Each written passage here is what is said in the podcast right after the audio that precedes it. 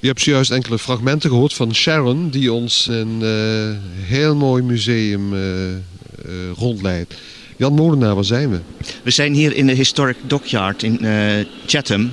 En het is het, zeg maar de, waar de oorlogsschepen gebouwd werden door de Royal Navy, de Britse marine. vanaf zeg maar 1600 tot in de tachtige jaren van deze eeuw. En het is een gigantisch complex. En je kunt hier een duidelijk beeld krijgen van eh, wat er allemaal voor nodig was om schepen te bouwen. En vooral ook die oude zeilschepen met enorme, uh, niet alleen het hout wat erin verwerkt werd, maar ook touw en zeilen. En er is echt genoeg te zien om een hele dag hier door te brengen. Ja, dat klopt. Ehm, je weet van tevoren niet eigenlijk wat je tegenkomt. Het is zo ontzettend groot en indrukwekkend dat je er een hele dag kunt doorbrengen. Ehm, bestaat het museum al lang? Het uh, museum is ongeveer in begin 80 jaren overgedragen van de Royal Navy naar een uh, eigen trust, dus een soort eigen stichting.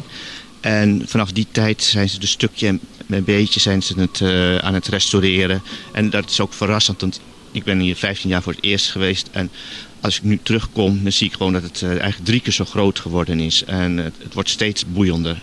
Dus ook boeiend voor jong en oud? Ja, er zijn allerlei. Eh, er wordt heel goed aan de, de kinderen ook gedacht. Er is bijvoorbeeld een uh, gedeelte wat een soort museum is. En bij de ingang hangen de matrozenpetjes voor de kinderen. En er zijn ook veel dingen waar ze zelf aan kunnen meewerken en een inzicht krijgen van hoe bijvoorbeeld ook een een reddingsboot bijvoorbeeld werkt en waarom een reddingsboot blijft drijven. En dat kun je hier gewoon achter mij bijvoorbeeld zien. Dat is, uh...